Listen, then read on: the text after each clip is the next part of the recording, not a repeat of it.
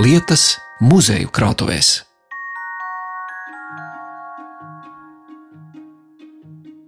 pareizticīgo ikona, sudraba svečstūris kā dzimtas koks un pētiķēnu figūras no Japānas. Tāds virsraksts ir šim raidījumam, kur Mākslas muzeja Rīgas birža krātuvēs uzzināsim, kā bija jāglezno svēto tēli ikonās, pētīsim sudraba dzimtas koku, kas svečtura veidolā tika dāvināts zelta kāzu jubilejā baroniem Firksiem, bet necila koka figūriņa ar trim pērtiķēniem pastāstīs par izcilu latvieti Jāni Andreju Ozoliņu. Vairākos tūkstošos eksponātu vienu vietu sakomplektētā pasaules māksla un kultūra kopš 2011. gada ir aplūkojama Rīgas biržas ēkā, bet muzeja pirmsākumi ir meklējami 1920. gadā, kad tika dibināts Valsts mākslas muzejs. Un arī mans stāsts sākas ar šo dibināšanas laiku, kad jaunizveidotajā institūcijā sāka veidot kolekcijas no tolaik esošajiem galvenokārt Rietumēropas mākslinieku darbiem un sāka apzināt gan pašmāju, gan tālāku zemju mākslas un kultūras priekšmetus. 1, 2, 3, 4, 5, 6 un 4 ir biržā kopā. Uz uzdāvināja 10 biržas. Atrodos muzeja krātuvē, kur ārzemju dekoratīvi lietišķās mākslas kolekcijas glabātāja Baiva Uburģe uz galda izvieto pāris sīkas figūriņas - apaļvēderainu smaidošu vīriņu, laimes dievu Hotei, nedaudz mīgrāka paskata figūru, kas simbolizē citu Japānas laimes un veiksmes dievību darumu un cigarešu kārbiņas lieluma kokā greptus trīs pērtiķus. Tos pašus, kas labi zināmi kā harmoniskās dzīves pamatprincipu iemiesotāji. Proti, viens dzīvnieks ir aizsedzis acis, otrs ausis un trešais muti, ar to vēstot, neskatos sliktu, neklausos sliktu un nerunāju sliktu. Pirms uzzinām, ko vairāk par šo priekšmetu ceļu no Japānas līdz Latvijai, Baiva Uburģe iepazīstina ar šo pērtiķu filozofisko nozīmi Japānas kultūrā. Šī figūriņa izgatavota Japānā ir nu, iespējams 20. gadsimta sākumā pašā. Un, um, Japānā ja šī filozofija un pērtiķēna figūras kļuva populāras Edo periodā. Un, uh, viņas tika izstādītas arī pie svētnīcām. Un, ja sākumā tā bija kā filozofija, kā sakāmvārds vai filozofisks teiciens, tad Japānā tas iegūta tādu tā vārdu spēli un vizuālu izteiksmi. Viņi iegūta nosaukumu Mizāru, Kikazāru un Ivazāru. Un tas ir neredzēt, nedzirdēt, nerunāt. Bet uh, vārdu spēlē šis zāru vai sāru nozīmē pērtiķis Japāņu valodā. Līdz ar to viņš iegūta tādu vizuālo izpausmu, kā pērtiķa atveidā, kas pēc tam kļuva populārs un kur pēc tam atkal izplatījās tālāk. Mazās figūriņas no uzlecošās saules zemes savulaik atsūtīja rakstnieks, literatūras zinātnieks un Latvijas goda konsuls Japānā Jānis Andrejs Ozoliņš. Šīs figūriņas saistītas ar kolekcijas pirmsākumu, ar eh, neilgu laiku pēc Latvijas valsts dibināšanas. Tātad 1920. gadā jaunā valsts pieņēma lēmumu izveidot divus muzejus - Valsts mākslas muzeju Rīgas pilī un Latvijas vēstures muzeju Rīgas pilī. Un, eh, kad jaunajā Latvijas valstī bija izveidots muzejs, Valsts mākslas muzejs, tad um, viņš sāka komplektēt savas kolekcijas. Balsts bija tikko izveidojusies, bija nesen beidzies Pirmais pasaules karš, cilvēki bija devušies bēgļu gaitās, vai dažādu iemeslu dēļ nonāca tajā laikā, Cariskās Krievijas laikā, nonāca Krievijā, centrālajā Krievijā un arī tālajos austrumos, un arī Ķīnā un Japānā un nodibinoties eh, Latvijas valstī, šie cilvēki eh, darbojās arī Latvijas vārdā un nodibinājās diplomātiskās pārstāvniecības. Un eh, cilvēki, kas tur dzīvoja, dāvināja jaunajam muzejam priekšmetus. Par šo dāvinājumu mēs varam runāt. Viņš saņems 1921. gadā no Japānas, no Kobes. Un Kobē darbojās Jānis Andrēs Ozoliņš, kas bija literāts, žurnālists filozofs, un viņš bija arī Latvijas valsts diplomātiskais pārstāvis un konsulārais aģents Kobē.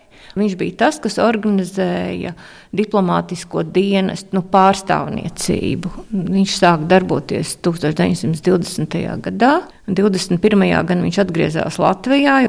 Nu, un, um, profesors Jānis Andrēs Ozoliņš. Ļoti interesanti viņa šī darbība. Nu, pirmkārt, um, tas, kā viņš nokļuva Japānā, jo viņš mācījās Rīgā Aleksandra ģimnāzijā, tad viņš studēja Kalifornijā ētiku.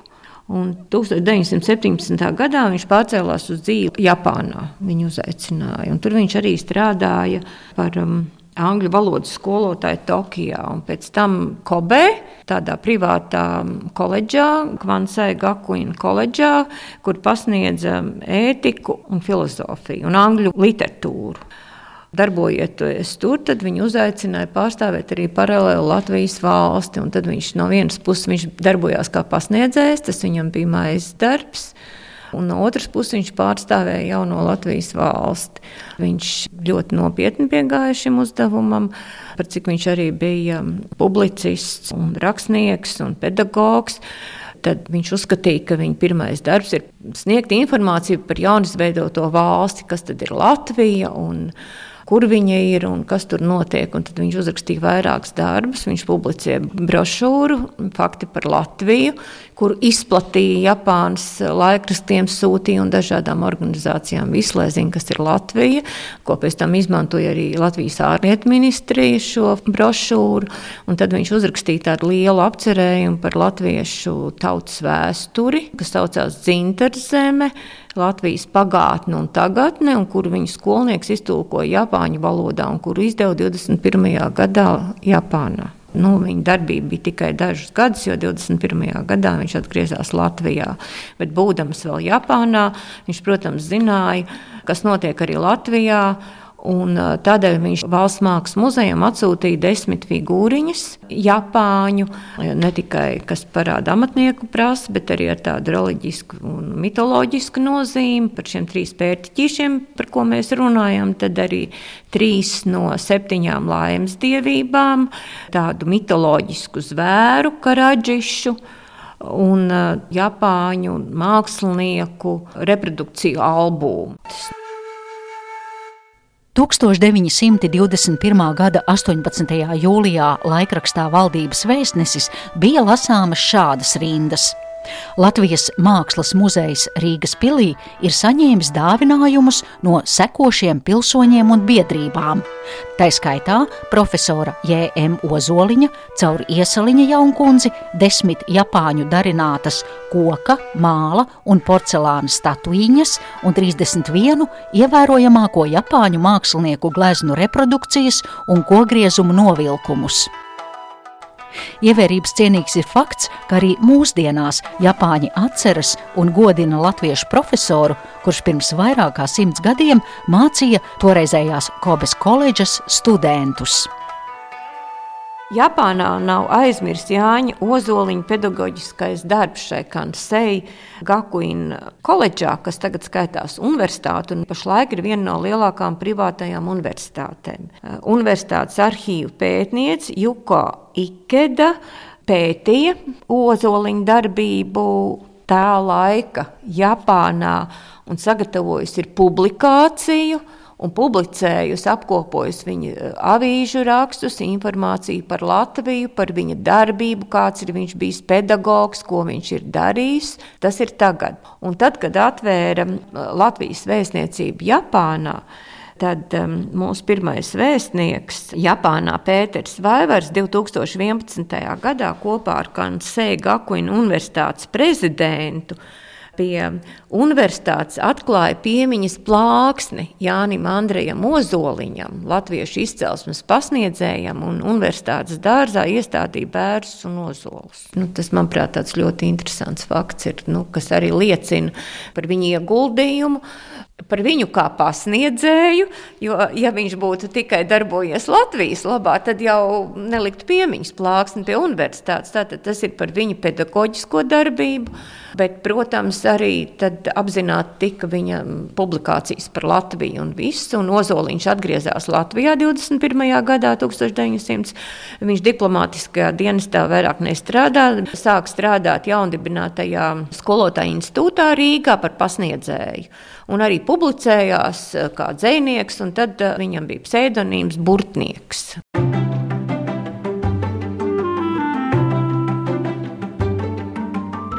Vietu lietas.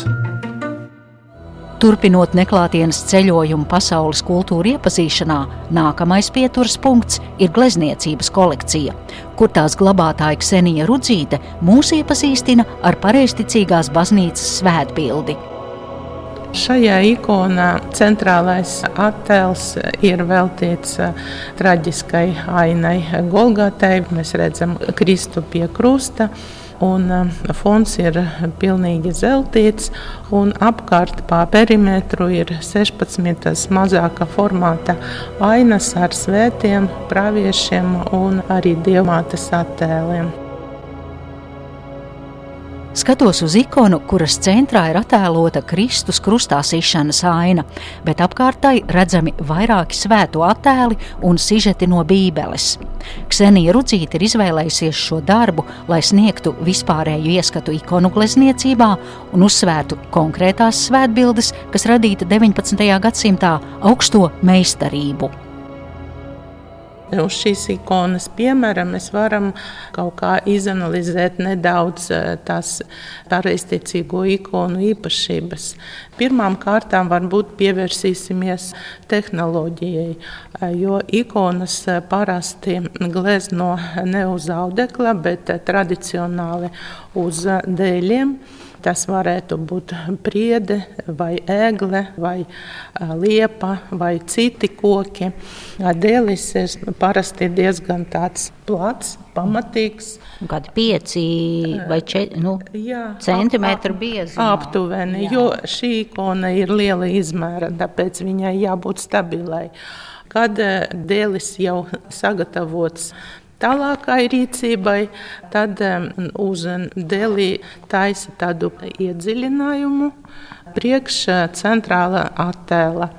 Pēc tam uzlīmē līna audumu un uz auduma liek grunti. To grunti ļoti rūpīgi noslīpē, un tikai tad sākā zīmēt aprises kompozīcijas tādu uzmetumu. Un tad uh, saka zeltīt ikonu. Nu, šeit mēs redzam, ka absolūti visa ikona, visa virsma pārklāta ar zeltam lapiņām. Un, kad e, tas fons ir gatavs, tad saka gleznot ar krāsām tad tas zelts tas nav klāts ar rotu, bet tās ir plānas tādas loksnītes zelta, jā. ko viņi nu, aplicē, uzliek. Jā, jā, jā, tieši tā. Kad eh, sāka gleznot ar krāsām, tad eh, parasti sākumā glezno kaut kādas otršķirīgas detaļas, fonu, arhitektūras detaļas, apģērbu, un tikai pēdējā tādā fāzē sāka gleznot eh, sejas un rokas. Kā jūs redzat, apjoms un tādas reālas proporcijas tas nav raksturīgi ikonai, jo jau gadiem, simtiem, tūkstošiem izstrādāts konkrēts kanons, kā jāglezno svēto dieva un dievmātes figūras. Viņi ir izstiepti ar mazām rokām un kājām lai nu, pasvītrotu to dievišķo mm, raksturu, ka viņi nepieder vairs zemei, bet debesīm. Un viņi it kā skatās uz mums no citas realitātes.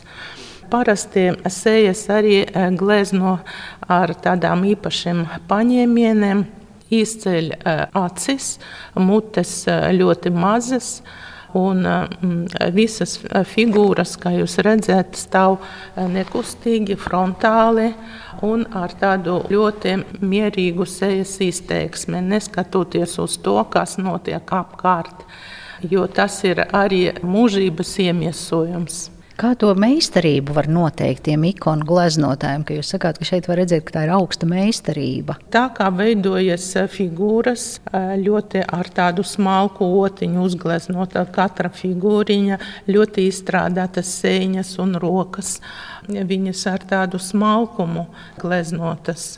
Ir arī cita rakstura ikonas, piemēram, kad glezno ceļojošie tautas meistari, kuri ceļo no viena ciemata uz otro un saņem arī pasūtījumus. Tad, tur daudz primitīvāks tas raksturs, bet te viss saglabāts pilnīgi kanons. Mēs šeit redzam iedziļinājumu, mēs redzam te apmales tādas krāsainas, kas arī pieder pie kanona. Nu, katrs personāžs, katra figūra arī apģērbta un izstrādāta tādiem atbilstošiem attribūtiem.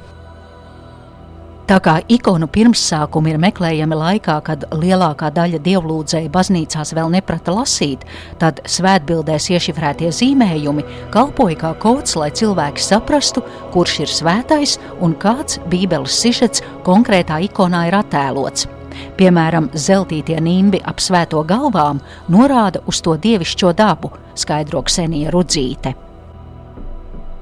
Te arī daudz simbolu. Piemēram, šeit zem krusta mēs redzam, tas arī šajā tipā ainās ļoti raksturīgs elements. Mēs redzam galvas kausi, un tas galvas kausi ir Ādama, pirmā cilvēka galvas kausa un pieņemts pareizticībā, kristietība vispār, kad Kristus asins skār Ādama kaulus, tad cilvēce atbrīvojas no pirmotnē grēka. Tas galvaskauss ir Nu, jā, viņš uzzīmēts, pienāk kāds jaunietis, teikt, ah, kāds tā kā Halloween simbols. Viņš tāds nu, tā primitīvā stilā ir. Un, lūk, jā, šī ikona aicina pievērst uzmanību detaļām, ja mēs skatāmies, kā dažādas konfesijas ir attēlotas mākslā. Tieši tā. Proporcijas, Jā, bet... protams, ir pavisam citas, kā reālā glezniecība un reālā dzīve. Un galvenie varoņi vienmēr ir nu, lielāki par tiem pārējiem personāžiem. Kā te var redzēt, es saprotu, ir parasti cilvēki pie dievmāts kājām, un vienkārši viņi ir nu, samazināti mērogā. Samazināti, jā. Jā. Bet tās ēkas, es skatos, pilnīgi atgādina, vai Taģmahala, nu, tā kā pasaku grāmatu ilustrācijas skatoties uz celtnēm fonā. Celtnes mēdz būt dažādi. Jā, nu kā jau gleznotāji izdomāja, kas notiek Jūdejā vai, vai tajos senos laikos. Bet interesants arī moments, ja mēs redzam, piemēram, dievmātes dzimšanas ainu, un figūru aizmugurē ir arhitektūras detaļas. Tas nozīmē, ka tā aina notiek interjerā iekšā. À, nevis uz klaja lauka, bet, bet tas ir kaut jā, kur. Tas norāda uz to, ka tas jābūt iekšā. À, nav tā kā pilsēta pagalmā, bet tas notiek telpā. Jā, tieši tā.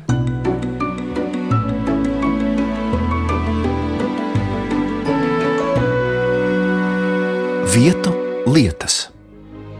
Lai arī šajā raidījumā runa ir par ārzemju mākslas kolekcijām, bet pēdējais radiofoniski aplūkojamais priekšmets ir saistīts ar Latviju, jo ir piederējis Nīgrandē dzīvojošai Vācu baltiešu baronu Firksu ģimenei. Par to stāsta ārzemju tēlniecības kolekcijas glabātāja Alma Ziemele. Mēs atrodamies eh, glabātuvē, kas ir eh, Latvijas Nacionālā Mākslas muzeja ārzemju tēlniecība. Tas ir tēlniecības oriģināli, ģipšanolējumi. Un šeit ir arī numismātikas kolekcija un dārgmetāla kolekcija.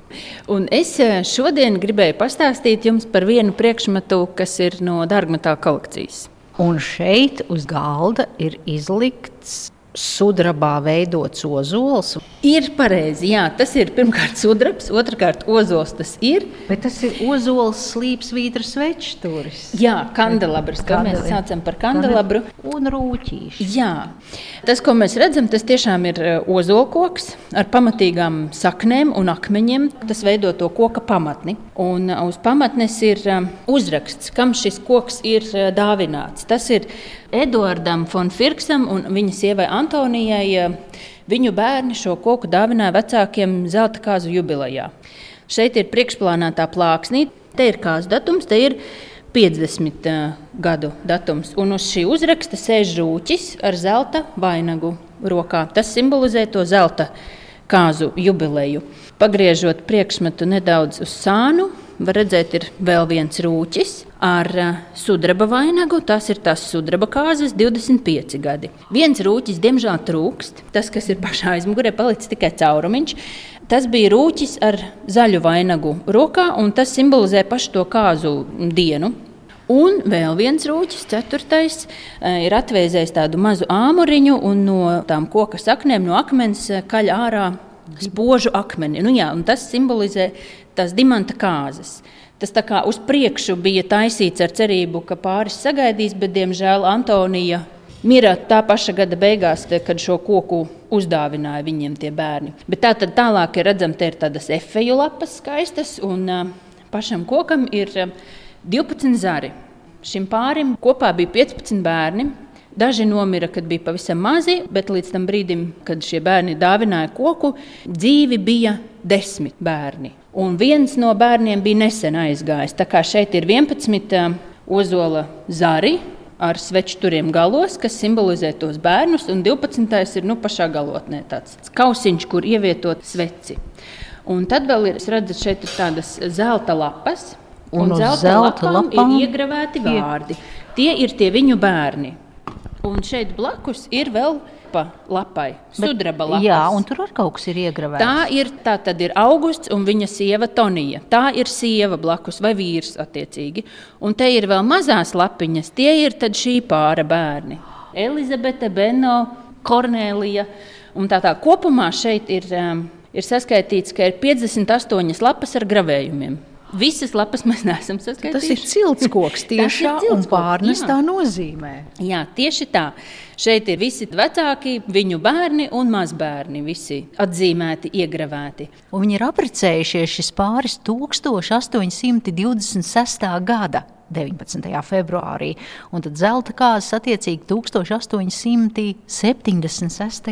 gadā. Vai Jā. ir zināms, ko vecāki teikuši, vai kas šo darbu, kas ir darinājis? Tās ir arī tāds uh, neatrisināts īstenībā jautājums, jo sudrabiem ir tāda lieta, ka viņiem parasti dārgmatā priekšmetiem iespiež zīmes. Pēc kā var pateikt, teiksim, šeit ir proves zīme 84, tālāk ir proves meistara zīme. Tur ir iniciāļi un vēlreiz tas pats gadsimts, 1876.